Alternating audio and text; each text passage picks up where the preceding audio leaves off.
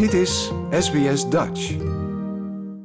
Nina, voordat we weer drie nieuwe podcasts gaan bespreken, eh, hoeveel uren per dag of per week luister je eigenlijk naar podcasts?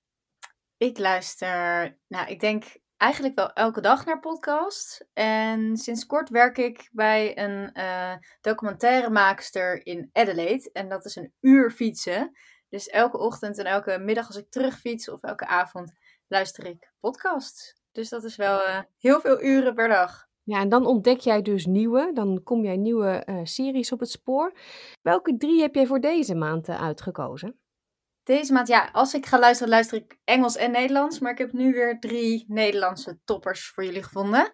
En de eerste, die heet Een Soort God. En dat is een zesdelige podcast van de Volkskrant. Het is gemaakt door Simone Eleveld en Anneke Stoffelen. En een podcast over Nederlandse kung fu secte in Limburg. Nou, dat klinkt echt als een soort film. Ja, de leider, René L., dat is een kung fu leraar en een hele charismatische man. En de makers die spreken eigenlijk met vijf voormalige leden van die kung fu groep, of eigenlijk secte. En ze delen hun verhaal en vertellen hoe ze in de jaren 80 en 90 bij die sportschool kwamen en helemaal in de ban raakten van die charismatische René. Um, ja, en je leert eigenlijk hoe ze langzaam worden meegezogen in zijn wereld. Uh, de buitenwereld raakt ze steeds meer kwijt. En René belooft om ze ja, om te toveren tot echte krijgers, zo heet dat dan, in die secte. En uh, ze moeten heel veel trainen, allemaal theorielessen doen. Maar het wordt ook steeds grimmiger. Want in de secte worden ze, nou ja, zij zijn dan de volgelingen. En dan worden ze vernederd. Uh, ze worden soms ook geslagen. En de vrouwelijke groepsleden die zeggen ook seks met hem te moeten hebben. Um, dus het is eigenlijk ook wel een heftig verhaal. Maar het wordt niet heel sensationeel verteld. En je hoort echt hoe die ja, volgelingen ook proberen om daaruit te stappen. En hoe ze worden geïndoctrineerd door deze René. Krijg je ook een beetje een inkijkje in wat die René L. bezielde? Of hoor je alleen maar het verhaal van de mensen die dit is overkomen? Nou, je hoort dus ook, ze gaan op bezoek bij René L. Dan doet hij eigenlijk zijn kant van het verhaal. We zeggen ook René L. omdat hij inmiddels door de rechtbank is veroordeeld tot 30 maanden celstraf. Dus hij heeft echt terecht gestaan en is veroordeeld. En eigenlijk hoe dat zover heeft kunnen komen, dat hoor je dus in een soort god. En wat hem bezielde, hij denkt nog steeds niet dat hij iets verkeerd heeft gedaan per se. Af en toe is hij misschien wel over grenzen heen gaan, maar hij gelooft echt in dat worden van een echte krijger en in het motto van die kung fu groep. Um, wat ik heel mooi vond, is dat het helemaal niet zo sensationeel verteld is. De makers die willen echt laten zien hoe die mensen in een secte kunnen belanden en dat het in principe iedereen kan overkomen. Want de mensen die je hoort, denk je niet, oh, dat zijn hele kwetsbare types. Het is heel intrigerend hoe dat psychologisch werkt. Hoe je daar dan zo in opgezogen kan worden. Ja, en in de trailer is ook te horen dat mensen zich ook schamen en achteraf denken: hoe heb ik dit kunnen laten gebeuren? Hè? Laten we even luisteren. Heb je wel eens iemand ontmoet met een bijna magnetische aantrekkingskracht? Groot charisma waar ik onder indruk was. Ja, het trok gewoon de aandacht. En dat je dan bij zo iemand hoort, ja, dat vond ik wel spannend, ja. Maar wat als degene die jij het meest vertrouwt al jouw gedrag wil controleren? Flirten of stappen of wat allemaal absoluut not dom. Jij vindt het eigenlijk te leuk om aan mannen te zetten terwijl je dit doet. Familie is je aardse familie, maar niet je echte familie. Wij zijn je echte familie. Hoe ver laat je hem gaan? Doe maar. Ik kan geen nee zeggen tegen jou. Het was zo'n rare wereld. Straks schiet hij hem door zijn kop. dacht ik echt. Iedereen praatte op je in dat dat de waarheid was. Dus ga het maar zien. Ja, je hoort dus inderdaad ook wel doorschemeren dat er geweld werd gebruikt, wat je al zei. Ja, hij maakte echt gebruik van dat, ze, dat hij mensen kleineerde om ze bij de groep te houden. En hij sloot ze steeds meer af van de buitenwereld. En dat gaat dan zo subtiel en zo in dat proces. Ja, je kan je bijna niet voorstellen, maar als je er naar luistert, denk je: wauw, hoe iemand dan geïndoctrineerd kan worden, dat is echt fascinerend. Ja. Zullen we verder gaan met de tweede? Kan je even langskomen? Dat uh, zegt nog niet heel veel over het onderwerp. Tieners, twintigers, dertigers, die zijn waarschijnlijk opgegroeid met de MTV en met de programma's over tienerzwangerschappen. Ja, daar uh, heeft dit een beetje mee te maken. Hè? Ja, klinkt ook heel casual. Kan je even langskomen? Eh, het begint ook eigenlijk met dat er een ongelukje is gebeurd. En je hoort dus Lucas, en dat is niet zijn echte naam. En hij vertelt dat hij vader wordt. Uh, ongepland heeft hij dus een vrouw zwanger gemaakt. K noemen ze haar. En ze hebben geen relatie. En ze besluiten om het te houden. En het is echt uh, ja, heel kwetsbaar en mooi verteld. Het uh, zijn 14 afleveringen van 15 tot 20 minuutjes. En je hoort dus Lucas samen in gesprek met een redacteur, Rosa van Toledo. En eigenlijk gedurende de hele zwangerschap bespreken ze wat er op hem afkomt. Hoe vindt hij samen met K een weg in deze zwangerschap? En misschien is het leuk om even een stukje te laten horen. Ja, ik was thuis, net terug van werk. Ik zat op de plek waar ik nu zit, denk ik. Ja, achter de ik, tafel. Achter de tafel, op een bank achter de tafel. En toen belde zij.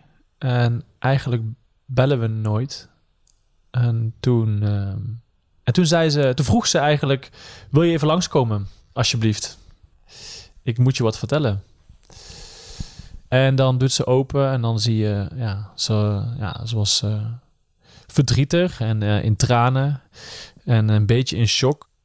Ze staarde voor zich uit en uh, ze had een kop thee en ze vertelde me dat ze, dat ze zwanger is.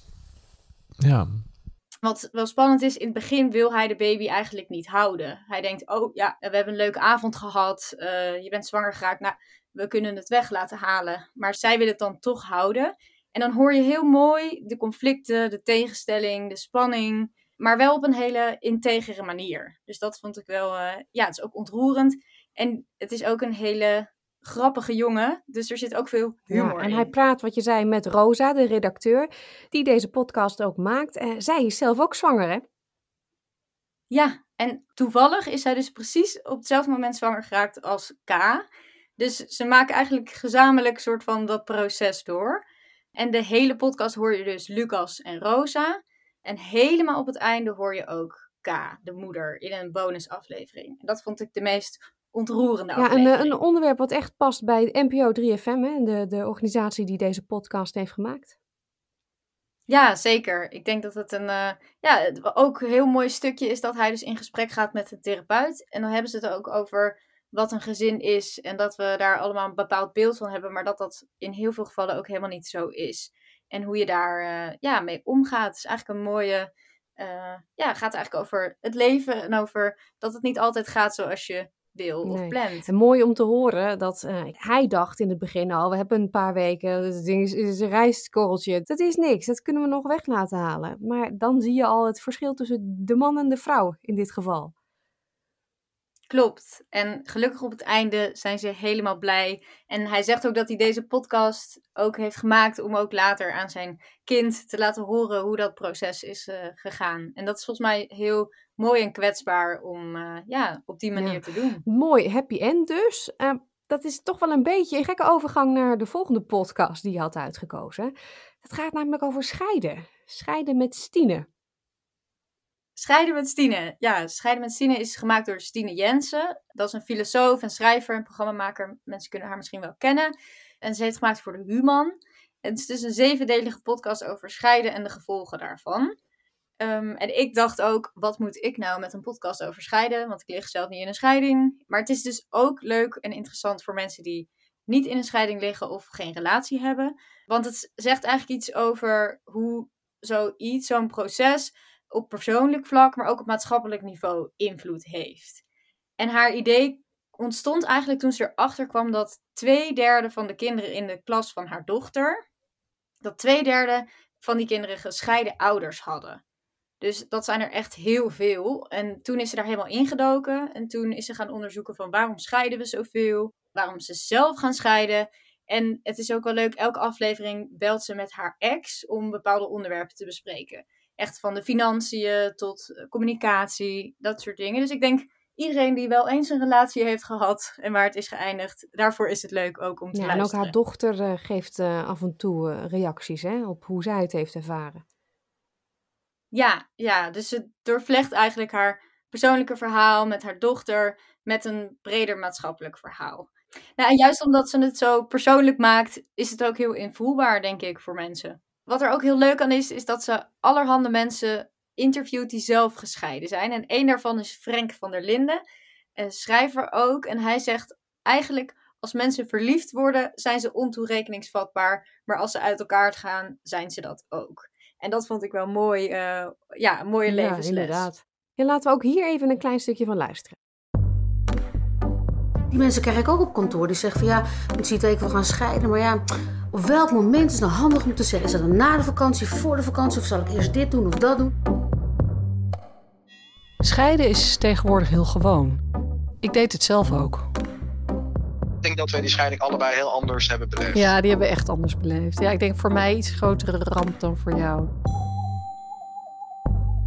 Welkom bij Scheiden met Stine. Mijn naam is Stine Jensen en ik ben filosoof. En in deze podcastserie ga ik op onderzoek uit. Wat kost een scheiding? Wat kost een scheiding? Weet jij hoeveel er gescheiden wordt in Nederland? Weet je ook hoeveel complexe scheidingen er zijn in de samenleving? Eh, wie, wie betaalt de rekening op dit moment? Maar waarom scheiden we eigenlijk? En er zijn uh, 1 miljoen redenen waarom mensen uit elkaar kunnen gaan. meestal zijn het er 500.000 tegelijkertijd. En wat zijn de gevolgen ervan voor onszelf? Je zit in een tijdloze zone. Alles is afgebroken en er is nog niks opgebouwd. Voor onze kinderen? Als ik bij papa ben, dan mis ik jou. Maar als ik bij jou ben, mis ik mijn papa. En voor onze samenleving. Hier in Nieuwewijk, daar gaan jonge gezinnen wonen die 30, 35% van de huwelijken stranden. En we hebben het niet voor elkaar om daar in de maatschappij al bij voorbaat rekening mee te houden. Het is eigenlijk een schande. Ja, drie podcasts weer met uh, hele uiteenlopende onderwerpen. Wil je ze nog één keer voor ons opnoemen? Yes, de eerste was een soort god over de kung fu secte. De tweede was Kan je even langskomen over de jonge vader. En de derde was Scheiden met Stine. Dankjewel Nina. Graag gedaan. Like, deel, geef je reactie. Volg SBS Dutch op Facebook.